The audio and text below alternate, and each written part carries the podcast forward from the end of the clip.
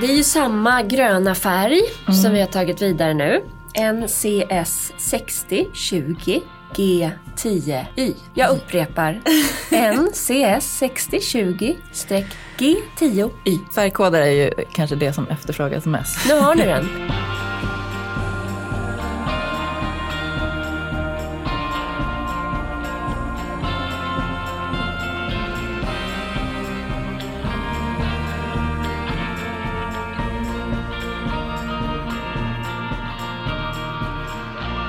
Morgon Kattis.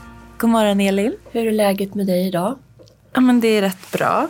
Jag är lite småbakis typ. Ja. Hur, hur kommer det sig? Det finns ett inredningsföretag som heter Mass Production som hade en liten AV igår och så är det ju röd dag idag för det är torsdag. Ja. Eh, Kristi himmelfärd.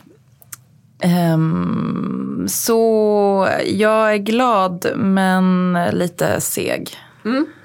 Helt okej. Jag är otippat nog inte seg. Och lite glad för att Alex fyllde 50 igår. Ah, Så vi eh, firade honom hela dagen och det var mysigt och fina tal och mycket kärlek. ah, men gud vad underbart. Men det har annars varit en ganska tung vecka. Ja, berätta.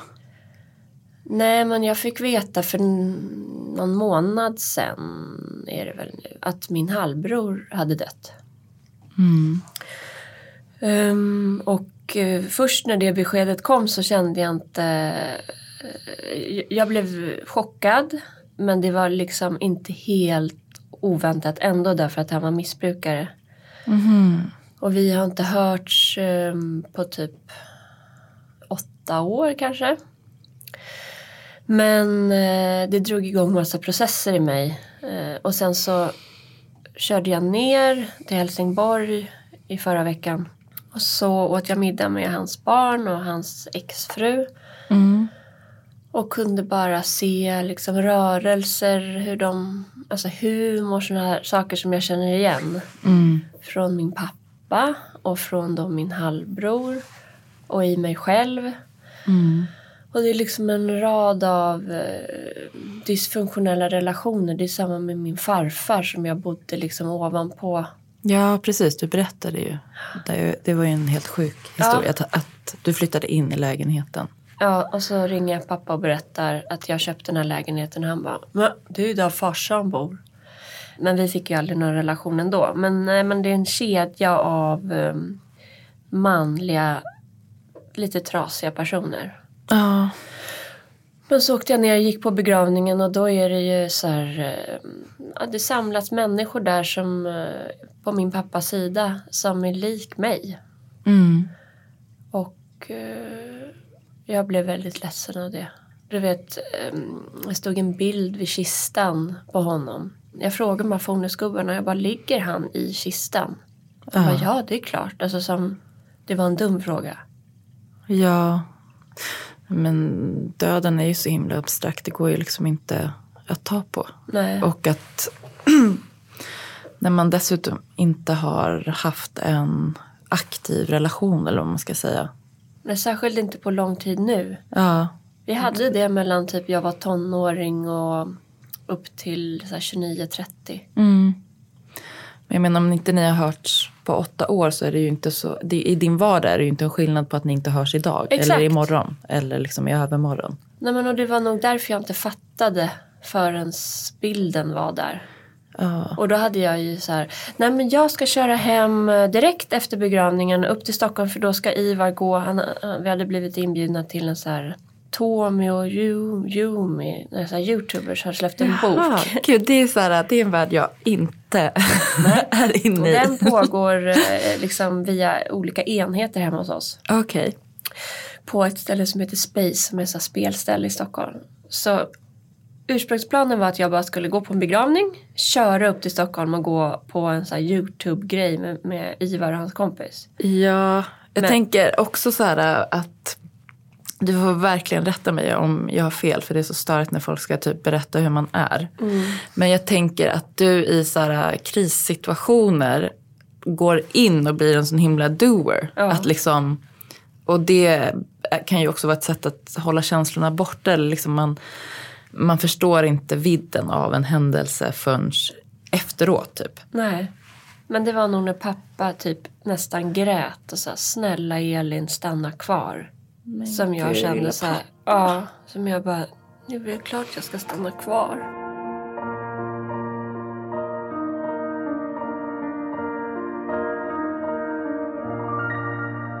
Och sen åkte jag på eftermiddagen och lyssnade på Ken Ring för det gillade min halvbror. och det är väldigt uppenbart vilka låtar han har skrivit när han mår bra Ja. och när han mådde mindre bra. Ja. Och vissa tyckte jag eh, om men andra hade en ganska skev kvinnobild. Och då växlade jag över till kvinnomanualen. Ja, Anna Björklunds eh, Precis. essäsamling. Ja, och den vet jag att du också har läst. Precis. Eh, och det var väldigt eh, spännande. Jag hade liksom ingen koll på Anna Björklund sen innan. Hon eh, är ju då en liksom radioröst och eh, hade podden Della Q. Mm. Som du har lyssnat en del på va? Exakt, den tyckte jag väldigt mycket om. Det var helt, alltså det var något nytt och fräscht eh, och, och modigt. Mm. Jag tycker också den här essäsamlingen, man kan väl säga att den, liksom, den är uppbyggd som en behovstrappa. Från mat till lycka typ. Och lite sex och hushåll och annat däremellan. Men eh, det hon gör är att måla upp någon slags eh, ny kvinnobild. Eller ett nytt sätt att vara kvinna. Men som liksom egentligen går tillbaka ganska långt bak i tiden. Hon är ganska kritisk mot liksom den feministiska rörelsen. Och det blir ju då också på något sätt en kritik mot industrisamhället och också så här det digitala samhället. Jag tycker att det var väldigt roligt för att hon är ändå en generation yngre än du och jag. Jag tror hon är 32, vi är ju, har ju precis fyllt 40 båda två. Och det är intressant att se liksom vart den feministiska diskursen på något sätt är på väg. Jag vet inte ens om hon skulle kalla sig feminist. Men, men det är ju väldigt mycket i den här boken som eh, handlar om på något sätt hemmet och det lilla livet eller vad man ska säga. Jo, men eftersom den heter Kvinnomanualen så handlar det ju då inte bara om hennes eh, känslor och tankar utan hon försöker göra en analys av samtidens kvinnoroll. Precis, och hon plockar ju väldigt mycket referenser tillbaka till, till liksom Bibeln och mm, Ja. Ellen Key och alla möjliga. Det är väldigt mycket liksom referenser bakåt som ju är plockade som russin ur kakan för att på något sätt belägga hennes syn på då hur ett kvinnligt liv ska levas Idag. idag. Jag anar ändå att du är lite provocerad. ja. Jag liksom kan verkligen hålla med henne i kritiken om eh, liksom karriär och massproduktion och liksom så här, var det verkligen så det skulle bli? Och att eh, ja, men hon målar ju upp en, en bild av eh, kvinnor, liksom karriärkvinnan som är, eh, känns ganska kall och hård och osympatisk om man ska vara ärlig. Men jag är inte säker på att jag fick den känslan. Nej okej. Kan, kan det vara att du typ liksom känner dig eh, så här, att ditt liv då inte stämmer enligt hennes ideal? Kanske, men, men samtidigt så känner jag ju att jag själv har gått mer mot hennes ideal. Jag har ju liksom sagt upp mig för att jag vill styra över min tid och kunna vara mer med mina barn. Hon har ju då tre barn och är uppväxt på Östermalm. Jag tror hon är så här Östermalmsbo i fyra generationer. Och har haft sina barn hemma väldigt länge. Och ja, men hon gör så här, står och gör långkok och Ja, hon är jägare. Hon fäller sitt byte, styckar upp det och shoppar ner i grytan. Va? Gud, det missade jag. Det tog inte jag med mig därifrån. Det gjorde jag. Dödande. Direkt. Jag bara, så fort det handlar om typ döda djur så zonar jag ut. Ja. Eh, nej men och sen så blandar hon liksom sina egna färger som är giftfria. Och eh, jo men faktiskt det, den gången jag har liksom kommit i närmare kontakt med henne sen eh, innan den här boken släpptes var med ett inledningsreportage från, på The Way We Play. Eh, och det är jättevackert. Det är väldigt så här harmoniska färger, tunga gardiner men det som ändå släpper in liksom ljuset Jag tjatar ju om de här genuina materialen. Mycket naturmaterial och ja, men det ser väldigt, uh, väldigt härligt ut på det här sättet som jag verkligen gillar när det är svårplacerat i liksom, tid och rum. Man vet mm. inte riktigt vart man är eller i vilken tid man är. Nej. Det lägger hon väldigt mycket tid på. Mm. Och i det här liksom, kapitlet som, som heter Hushållet så ja, men det börjar med att hon beskriver eh, ett gäng lajvare i, kring millennieskiftet som gjorde någon slags experiment och skulle bo typ tio personer i en liten etta. Um, och istället för att sätta upp så tydliga regler, det är liksom kanske det första man tänker på. Typ så här, din mamma jobbar inte här, lappar. Mm. Som, som det är på varenda kontor. Hjälper de ens? Nej, det, det, jag tror inte de hjälper. Bara men... fientlig stämning. Exakt. Men det som då kanske hjälper är att göra som de gjorde. Och det var att gå in i en roll. Att så, här, så fort du är i lägenheten så måste du vara i roll. Så att uh, allt man gör är i roll. Och då blir det ju aldrig personligt. Konflikterna, det kan liksom inte bli några personliga konflikter. Och sen börjar hon med att beskriva hur att hon själv går in i den här kvinnorollen i sitt hem. Och mm. att hon har valt att gå in i den. Och det känner jag så här, är det verkligen ett val? Nej men det går ju inte. Hallå. Det handlar ju om hela kontexten, vad hon har vuxit upp i och var vi kommer ifrån. Det går inte att plocka ut och tro att jag valde det. Nej, det, det, och det kan jag känna är mer så här, typ har man inga valmöjligheter så kanske man för att liksom empower sig själv säger att det är ett val. Fast det inte är det. Nej men förlåt att jag avbryter. Mm. Men en sak jag har tänkt på nämligen för att jag eh, snackade med, eh, hade en workshop i början av veckan eh, mm. med Kavat. Och då på lunchen pratade vi om huruvida vi skulle vilja vara det kön vi är om vi fick välja. Mm. Och på tal om det här att kunna välja då ja. liksom en roll. Eh, och då var det en tjej med som liksom tyckte att ah, det är bökigt att kissa i skogen om man är tjej. Eller alltså, mer praktiska grejer ja. som killar har fördelar av. Ja men typ mens är en opraktisk grej. Sjukt opraktiskt. Ja. Eh, föda barn gör ont och så. Men jag insåg, och det var fler där som var kvinnor som insåg också att vi inte alls vill byta. Och då handlar det ju inte om en stereotyp roll eller kvinnorollen, jag vill vara mamman och ta hand om mm. barn. Utan att vara kvinna med sånt som är kanske mer representativt för kvinnan än mannen. Typ eh, alltså så här, mycket relationer och närvaro, känslo, liksom, ja, alltså, kalibrerande. Jag håller med dig 100 procent. Och det är ju alltså, på samma sätt som att man känner så här om världen hade varit styrd av kvinnor så hade den sett annorlunda ut. För att oavsett om de här liksom värderingarna eller egenskaperna är eh, socialt konstruerade eller genetiska så är de liksom mycket, mycket mer sympatiska. Ja, alltså män verkar vilja döda varandra mer. Ja. Och kriga liksom, slåss. Ja. Och det ju, går ju inte så här jättebra. Nej, men i liksom då det här hushållsprojektet som hon beskriver att hon håller på med i boken. Mm. Så ingår det liksom också så här, nej men jag jobbar också heltid och har mina barn hemma. Och den liksom verkligheten är ett väldigt få förunnad för att det är inte så många som kan jobba hemifrån. Sen också så här, nu, nu jobbar jag ju hemifrån. Men jag skulle aldrig kunna ha mina barn hemma Sköt jobba mig. och typ, alltså absolut att liksom de kan stå och leka med vattnet medan jag lagar mat. Men Nej, men, just nu har jag en ett och en halv åring hemma, Olle. Jag, jag fattar inte vad det är. Alltså jag får stresspåslag bara jag tänker på att han skulle vara hemma och jag jobbar. Det går ja. inte. Han vill ju dränka sig på vattnet. Han skulle liksom försöka se hur man kan dö med vattnet. Nej men gud, han var ju här Jag träffade ju honom för första gången. Ja. Han var ju så gullig. Han är jättegullig.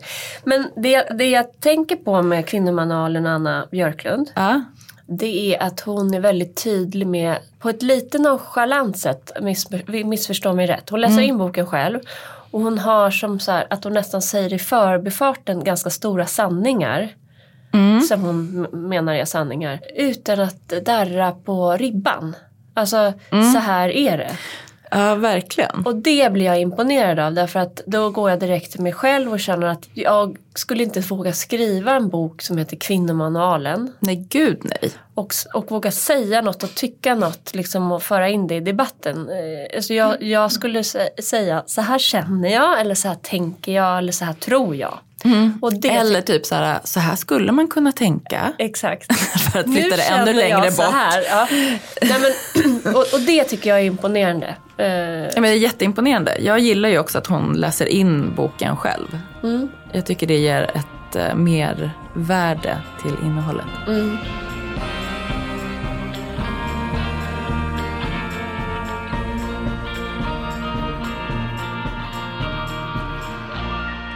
Tanken är ju med det här eh, avsnittet att, att det ska vara det stora litterära slash bibblan avsnittet. Ja men exakt. Därför passar det ju jättebra med eh, kvinnomanualen eftersom det finns så, otroligt mycket litterära referenser. Verkligen. Har du några litterära referenser som liksom du kan se har påverkat din inredningsstil? Absolut har jag det. Jag vet inte hur mycket de liksom syns manifesterade i mitt hem. Men ehm, jag har liksom en så här otroligt naturromantisk eh, dragning. Och absolut så ligger det krokiga små pinnar hemma hos mig just nu. Så att, eh, och det är inte barnen som har tagit in dem utan det är jag. Ja men det tipsar du ju också om eh, där hur man skapar hemtrevliga hemmet. Då skulle man ha in pinnen. Exakt. Jag har blivit så här drivvedstanten typ. Jag har också liksom en väldigt stark eh, dragning till jugend och så art nouveau. Som jag tänker kommer ifrån John Bauers eh, sagovärld. Just det. Och nu vet jag att man kan liksom titta på hur han har mål, målat de här trollen och se att det är eh, rasism rakt av mot samerna och sådär. Men, men i den stora, he, alltså när jag läste de, de böckerna liksom, eller såg de bilderna när jag var liten så fanns inte det i min Värld. värld liksom. Nej, befriande Eh. ja. Det är skönt ibland att inte fatta alla nyanser något. Ja men faktiskt, verkligen. Men det är därifrån din passion då. Du berättade också i något avsnitt att du var kär i träd. ja. I, icke sexuellt utan mer normal bara Mer typ trädkärlek. så här uh, soulmate känslomässigt. Ja. Och jag älskade också så här Ann på Grönkulla. Alltså allting som var så här förr i tiden. Och ja, men apropå också så här hela Anna Björklunds då, l- livsstil. Det blev väldigt mycket snack här om Anna. Men, men Ta det som en komplimang Anna.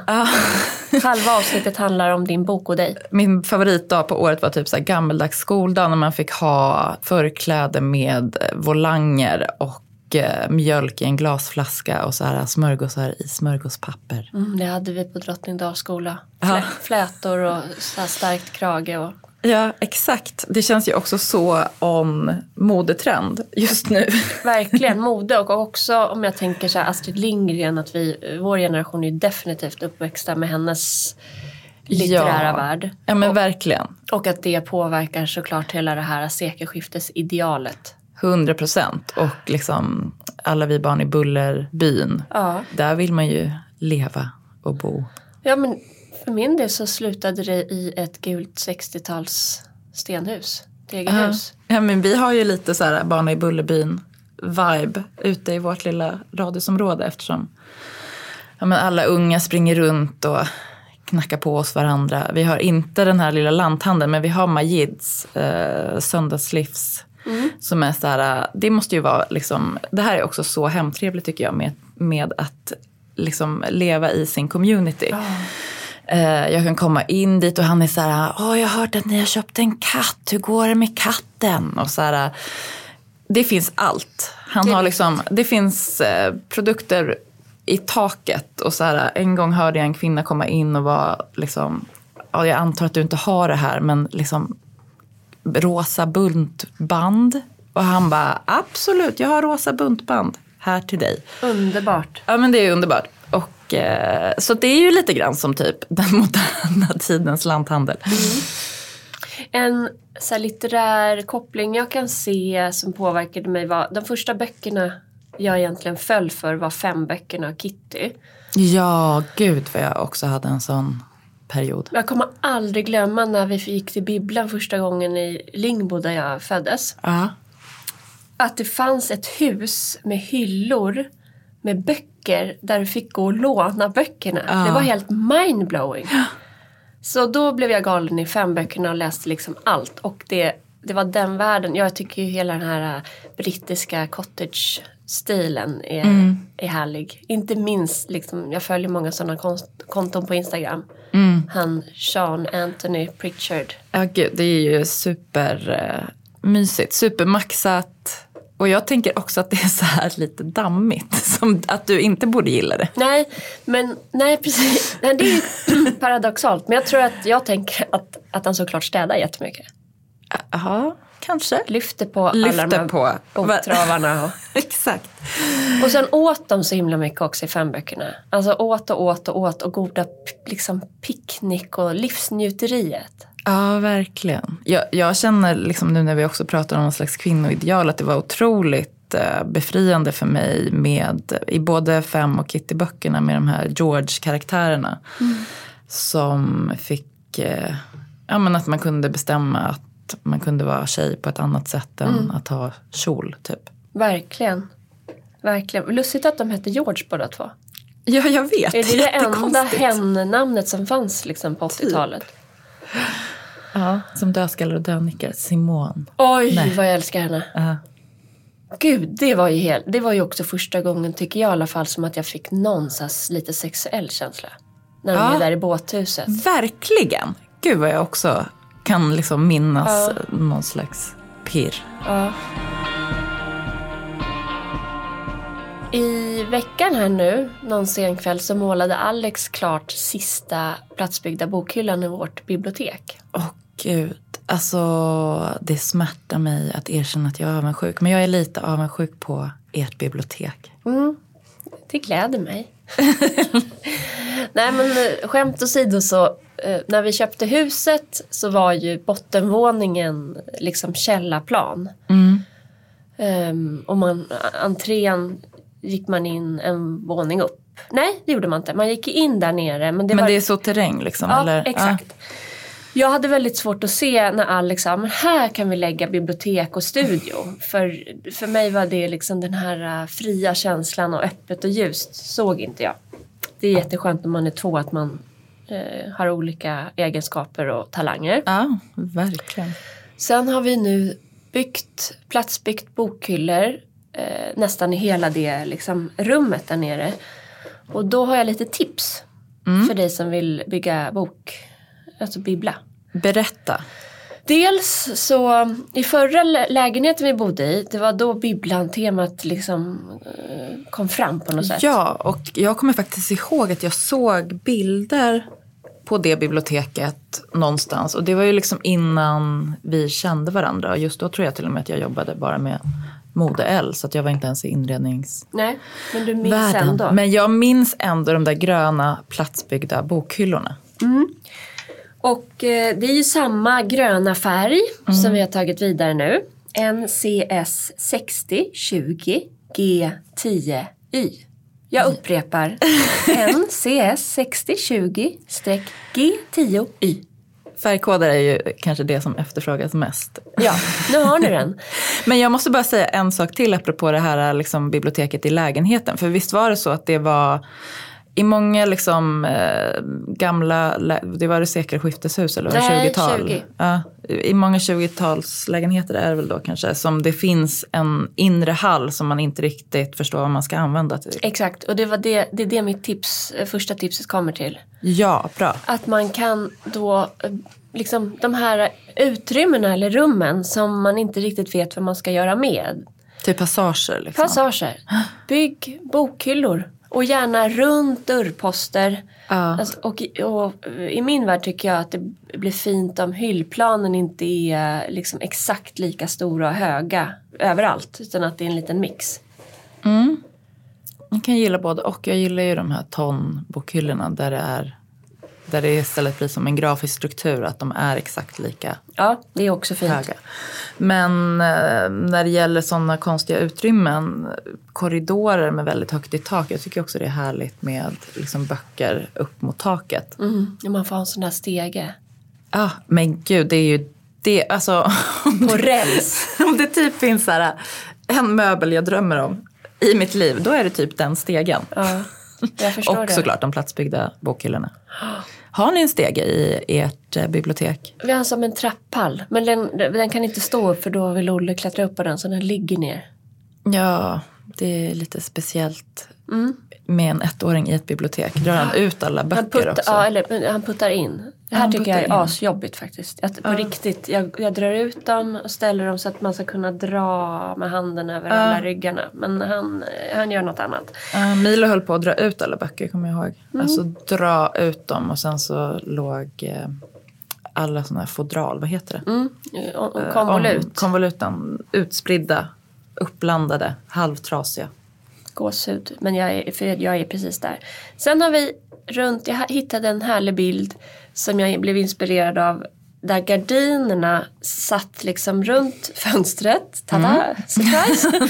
Men sen så var bokhyllan där på den bilden framför överdelen av gardinen. Förstår du? Så att liksom gardinerna Ah. var lite inbyggda. Ja, de är liksom infällda bakom bokhyllan så Infällda, det ser. Mm. ut som att de hänger ut från bokhyllan. Ja, och så gjorde vi nu. Och det tyckte jag blev väldigt mysigt. Mm. Och sen var, har det ju varit Antikmässan här nu förra veckan. Ja, du var ju där. Jag var där jag med Gustav. kände att jag fick prioritera bort det. Mm. Och när du säger Gustav, vem? Broström, Ja. Gustavs rum. Och det var en blandad upplevelse att gå med honom på Antikmässan. Därför att han, både han och jag insåg jag känner ganska många människor i den världen. Mm. Och när jag ska gå på Nordens största antikmarknad där Mm. allt är till salu. Då vill jag ju liksom bara springa. Men det skulle tas bilder och det skulle pratas. Och det var ju som en konferens typ. Ja. Också jättemysigt såklart. Men eh, jag tyckte att det var lite dyrt. Har du tänkt på det? Alltså nu var ju inte jag på Antikmässan men jag går ju knappt in på Bukowskis Market längre. Alltså förut så upplevde jag att man kunde liksom hitta de här fynden. Och det är ju någonting liksom med hela köpa gamla grejer som det finns ju något kittlande i att känna att man gör ett fynd. Det var ju en USP Ja, förr med att, att du köpte begagnat. Det var finare och billigare. Precis, nu är det finare fast dyrare typ. Ja, men det är väl hela den omställningen vi behöver göra. Tror du inte? Jo, det är säkert den omställningen vi behöver göra. Men sen så tror jag också att det hade jättemycket med liksom pandemin att göra. Att folk gick all in hemmen och man levde digitalt. Och det var typ det som fanns att göra. och att folk typ satt hemma och budade på fredagskvällarna istället för att vara ute på krogen. Efter Hundra. några glas vin. Alltså ett, jag var, jag var inte ute på krogen innan heller. Men annars 100% jag. Gud vad jag har köpt saker på eh, auctionet på nätter. Ja. Men tror du att priserna kommer fortsätta att öka så här? Alltså jag, min, mina tentakler säger just nu lite grann att så här, inredning har fått konkurrens igen av liksom uteliv, mode. Jag tror jättemånga plötsligt känner så här ett nytt sug efter nya kläder och skor. och Att klä upp sig, att liksom komma ut på scenen igen. Typ. Eller jord. Eller jord. Vet du hur mycket jord jag köper? Vet du, man börjar med så här, för jorden är ju jätteviktig. Ja, verkligen. Jag Så har alldeles för lite jord tror jag i mina stackars små lådor. Usch vad obehagligt. Så då börjar man, läs jag, att eh, köpa den fina jorden. Men när du ska ha liksom 40 säckar och så 40 säckar igen. Ja, är det Hasselfors? Hasselfors är väl den absolut finaste jorden? Rölunda tror jag den heter. Rölunda, okej. Jag måste googla här nu snabbt. Jord. Rölunda. Ja, Rölunda. Okej. Elit har jag kört mycket. Men sen när man sneglar på typ de stora kedjornas jord. Då kan du få så väldigt mycket mer jord. Men eh, ni som liksom anlägger en helt ny trädgård, köper inte ni in ett flak jord? Jo, du anar inte. Det har kommit stora säckar i lyftkranar som har dumpats på olika ställen. Ja. Det är så mycket material. Så här, jord, sten, grus. Sånt lägger vi pengarna på. Ja. Helt enkelt. ja. Eh, Vi har Men- pratat om det förut ju, att, att det känns liksom som att eh, trädgårdssuget är stort hos Ja, många. ja, det är det. Nu är ju allt liksom utplanterat eh, och jag bara längtar efter att det ska börja växa upp förbi bevattningssystemet som ligger och är fult. Till er fest, Mhm. som är nästa helg typ. Shit, shit. Ja. Ja, nej men jag känner mig jättenöjd med våran trädgård just nu för vi gjorde en så här äh, asbillig eh, enkel soffvariant med lastpallar och eh, köpte mm, liksom ute soffkuddar på Marketplace. Bra. DI. DIY, ja, precis, DIY. DIY. Do it yourself. Precis, gör det själv eh, tips. Och jag, jag typ älskar den där soffan. Vad kul. Ja.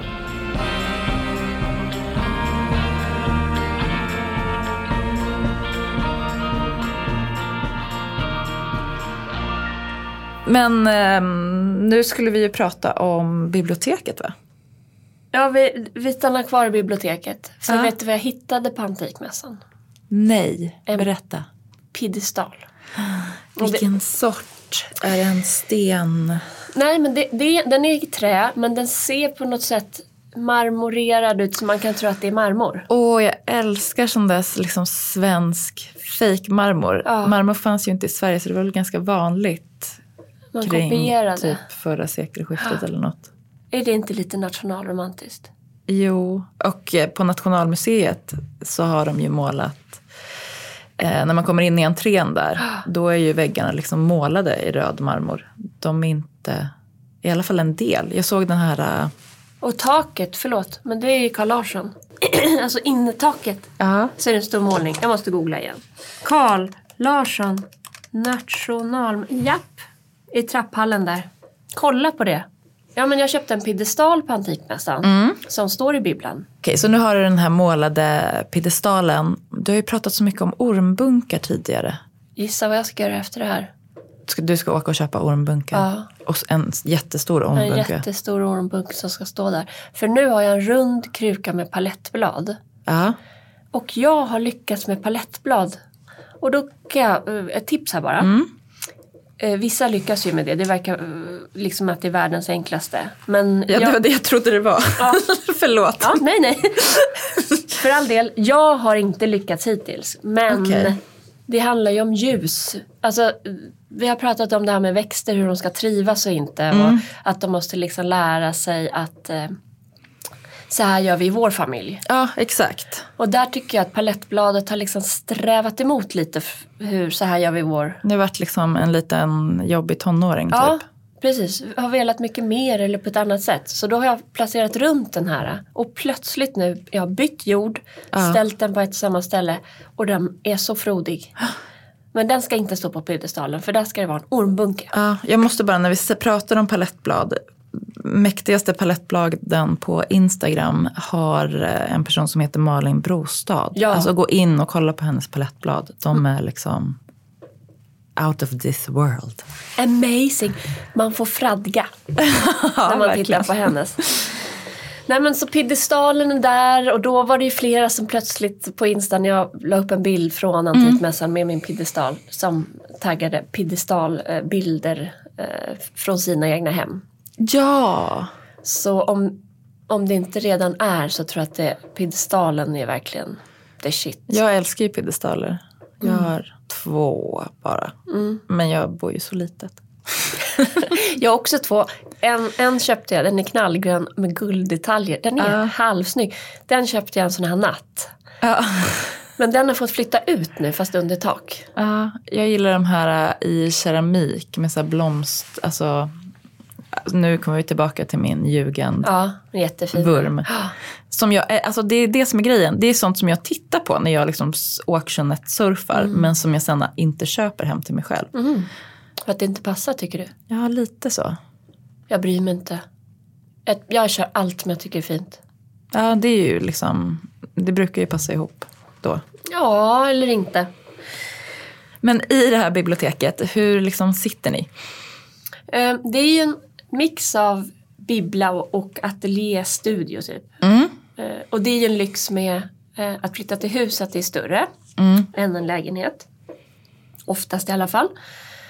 Och att ha ett stort bord eh, som man kan sitta vid och låta saker vara kvar vid. Mm. Om man jämför då med matbordet där du måste plocka bort för att du sen ska äta. Mm. Så har vi ett stort bord där nere. Sen är det bokhyllorna runt omkring. Men jag ju förmånen att leva med en formgivare. Ja. Så möbler är liksom ingen bristvara. Vi hade två fina soffor som han har gjort för Adea. Men den ena har vi lånat ut nu till hans brorsa med familj. Mm. För att det blev för mycket soffor. Eh, Det blev liksom, man vill inte ha rygg. Jag vill inte ha ryggen mot. De ska stå egentligen mitt emot varandra. ja, jag fattar. Så då har vi en soffa och så är bokhyllan byggd runt soffan. Okej. Ovanför soffan hänger det tavlor. Och sen börjar bokhyllan. Så att det är som ett litet hålrum där soffan står. Aha, okej. Det har inte jag fattat. Jag har Nej. nog bara sett hyllorna som är liksom ut mot trädgården. Mm, det här är för att den här byggdes, och, eller målades klart i veckan. Så Ah, okej. jag har inte rapporterat ännu. Sen är det två fåtöljer som jag köpte på Blocket. Typ dödsbo tror jag för 500 spänn. Så här Dux-fåtöljer. Mm. Gud, härligt. Med Julia. Ehm, och sen har vi en fotpall från Svenskt Tenn. Och så har vi ett litet runt bord som jag har haft blommor på. Och vattnat så att skivan är lite fucked up. Så Det var du i Italien, det var inte, det, det var det var inte vad heter det, växtvaktaren. Nej, men nu har jag lagt massa böcker där. Så så är det. Och sen så tog vi hem en fåtölj som Alex har haft på en utställning på Sven Harrys. Mm. Som är så här knallrosa med ett rutsystem på sidorna som ser ut som en karamell. Mm, härligt mot det där gröna tänker jag. Ja, den har nu precis kommit ner där då i bibblan. Men- Väldigt mycket så här, det står en bukett pioner här Ja, med en knallrosa pion mot Ja. det gröna. Det är, väldigt, Ja, det det är är en väldigt fin kombination. ja den, den blir man verkligen glad av. Mm. Så eh, jag skulle säga att vi nu är så här, vi öste upp böckerna igår. Hans designbibliotek. Oj, designboksbibliotek östes upp igår eh, mellan så här, frukost och lunch för att det skulle vara fint tills våra gäster kom. ja just det, för att ni hade ju födelsedagsfest igår ja. Ja, precis. Typiskt oss att liksom hålla på och inreda då, den dagen. Verkligen, istället för att vara så här, äh, vi håller oss här uppe och här ute. Mm. Ingen behöver vara i biblioteket. Nej, men det skulle upp. Ja. Men det, jag skulle säga att vi kanske 80% klara där nere. Det ska, nu ska det börja liksom organiseras i bokhyllan och jag ska göra det här sista liksom fixet. Ja, men jag vill minnas att du också berättat för mig förut att, ni, att du liksom hade gjort mått. Alltså du hade liksom måttbeställt bokhyllan utifrån er boksamling. Exakt. Vi hade gått liksom från pocket upp till de här lite coffee table stora böckerna som många av hans design eh, historieböcker är i. Har man några sådana där böcker då kan ju de ligga snyggt i en hög. Men har du liksom 50 sådana böcker så blir det lite tråkigt om alla ska ligga i hög. Då är det skönt att de kan stå upp också. Ja men verkligen. Problemet var väl att den som byggde bokhyllan inte riktigt följde eh, i första steget mina direktiv. så jag fick eh, tänka om lite där. Ah, Okej. Men ehm, igår hamnade jag i en diskussion med ehm, en formgivare på den här AWn. eh, och min kära kolleg, kollega Nina Oja. Ja. eh, om pocketböcker. För han hade precis flyttat in i en ny lägenhet där de tidigare ägarna hade liksom byggt eh, bokhyllor för pocketböcker framför eh, elementen. Don't ask. Det var inte det vi diskuterade utan det vi diskuterade var så här, pocketböcker. Vara eller icke vara. Och han var så här, ja det är ju inte för mig i alla fall eftersom jag äger typ tre pocketböcker. Vem var den här formgivaren? Eh, Gustav Winst heter han, Ja. fantastisk. Mycket så här svulstiga färger och former. ja men precis, eh, ganska nyutexad. Det går bra kan man säga för honom. Det går bra för honom, eh, med all rätt. Ja. Han eh, samlar istället på, på skor, men då sa Nina också så här, eh, pocketböcker läser man och ger vidare. Och då kände jag mig lite som en så här äcklig hoarder. Att jag, jag och Jackie, vi har så, vi försöker rensa ut i våra bokhyllor. Vi har ju då liksom en, två, tre, fyra, fem bokhyllor och sen så har barnen sin bokhylla. För mig spelar det liksom ingen roll om det är pocketböcker eller en coffee table-bok. Pocketboken kan ju liksom vara mer värd för mig. Självklart. Eller hur? Jag tror att jag eh, kan ha lite snobberi-fasoner vad gäller bibliotek och litteratur. Mm. Det fattar jag. Men jag tycker inte att man kan eh, utifrån liksom hur en berättelse kommer levererad så här, förkasta den eller ej. Om, om man har kommit över, fått låna en bok Mm. som råkar vara en pocket. Då vill jag ju spara den om det var en härlig läsupplevelse. Den ingår ju i stallet. Precis. Så det där tycker jag inte alls. Utan det är ju mixen, det är ju totalen av allt ifrån coffee table-böcker till eh, husmorsguide. Jag hittade en sån. Så jag tänker att det kunde vara kul att kolla in en gång här i vår podd. Ja, men gud, det måste vi göra. Men vi får inte förakta eh, pocketboken. Nej, bra. Jag är liksom på din sida. Och jag kan också tycka att så här, ju mer tummad och ju mer eh, vikta hörn, gärna från liksom flera olika läsare, desto bättre. Jättemysigt. Typ så här, man ser att den har varit på stranden. Ja, För, för, det rinner ut lite sand när man öppnar upp den. och sidorna är gupp, så här bucklade. Verkligen. Läs, njut och spar, tycker jag. Ja. Eh, eh, Låna ut, det gör jag mycket. Jag lånar ut jättemycket böcker. Så får man tillbaka det. Ibland och ibland inte. Nej, och, det då är är det okej. fine.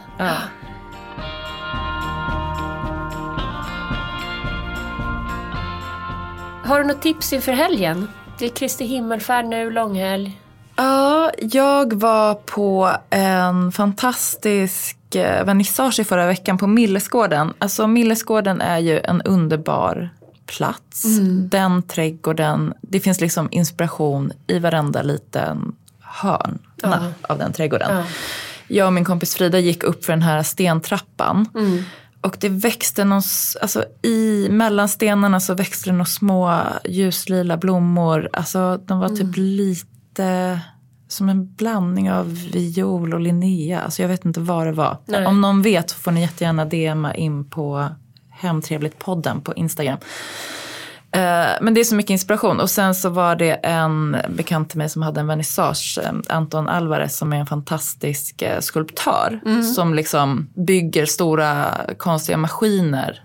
Och sen så gör de här maskinerna skulpturer. Men det finns mycket liksom referenser till piedestaler och sånt. Så att man kunde, det var en väldigt rolig utställning för att han, de hade placerat in hans verk, han hade gjort några nya verk i eh, brons för att liksom tala med Milles. Och i, när man gick runt på Millesgården så blev det lite som en skattjakt. Att så här, I någon liten glasvitrin så, så stod det alla de här gamla antika liksom, skulpturerna. Och så plötsligt så var det så här, en liten Anton-varelse där inne också. Kul. Eh, så jag tänker att jag ska gå tillbaka dit med, med barnen. Ehm, men det är både, så här, både för att det är en underbar plats och för att det var en väldigt eh, fin och jag vet, alltså hur- skulpturdräkt, det är så... Jag vet inte, det var lite emotionellt på något sätt. Vet du vad? Eftersom Alex fyllde år igår. Ja, Han fick massa konst i present. Vilket innebär att jag fick presenter. ja Och gud. det är så ljuvligt. Alltså, och jag tänker så här, det kanske är när man fyller 50 som eh, konsten kommer in i ens liv. Eller att man får det i present. Att man tänker att den här personen liksom har allt som hen Ja. behöver. Ja. Men att ge bort konst, det vill jag slå ett slag för. ja, det är vilken underbar grej. Ja, han fick bland annat ett, för hans mamma är skulptör. Så hon hade gjort Ivar i profil i så här terrakotta. Nej men gud. Som ser ut som ett foto. Ska, jag kan lägga upp bild. Ja, Och, verkligen. och hans styvpappa Thomas Kvarsebo. Han, han kom med en plåt, eh, rostigt, en hund. Mm. Stor som kommer stå ute i trädgården. Gud, det känner jag så starkt för. Alltså skulpturer i, alltså trädgårdskonst. Ja, Jag är så, du vet eh, Siri Karlén har vi ju pratat om i den här podden tidigare. Hon har gjort, ju- jag vet inte hur hon har gjort de här riktigt, men fantastiska skulpturer som står på Gotland någonstans. så morfakt, Ja, alltså runda exakt. stora former. Det är så här, äh, om jag någon gång får 100 000 över och eh, har ett, ett landställe med en stor trädgård, då vill jag göra en skulpturpark där. Ja men, men vad sjukt, det här är också så typiskt. För nu har ju vi börjat med det här. Och då är, då är ju det något som, det är ute där. Det här är väl säkert, alltså jag menar alltså det är ute i världen. Vi håller på nu allihopa samtidigt. Ja men typ. Men det är ju då för att vi går med inredningen ut. Ja, verkligen. Men det är coolt. Först ville jag att den skulle stå bredvid entrétrappen som du vet så här gamla lejon. Ja, ja. Gud, det är så här... Två feta lejon. Jacke har inte så mycket liksom, inrednings och trädgårdspreferenser. Men just två typ lejon skulle han gärna vilja ha. Det är lite, det är lite vulgo kan man säga. Det är lite som dödskallestaven. Ja. Men ändå kul! Så kul! Ja. Nej men jag hoppas den får bo någonstans eh, lite mer, eh, att den liksom faller in i omgivningen lite mer. I någon slags grönska eller sådär. Ja men vi har ju uh, lagt ut grus och, och sådär. Och där var den väldigt fin. Ah, Så vi får se. mm. Det är så snyggt också att ha grus kring träd på det där sättet. Sjukt snyggt. Det vet jag, Nicole Wilson har gjort så med sina äppelträd. Ja, Eh, New Generation Gardens på Instagram, också ett bra följtips. verkligen. Men det känns nytt och fräscht och sjukt snyggt. Italien. Ja. Ja men vad härligt. Jag ska försöka och eh, ta det lite lugnt den här helgen om det går. ja, det låter väl bra. Det är inte du så bra på. Nej, Eller? nej. nej jag är ju inte det. Men jag ska öva. Jag hoppas ni får en jättefin helg. Ja, trevlig helg allihopa.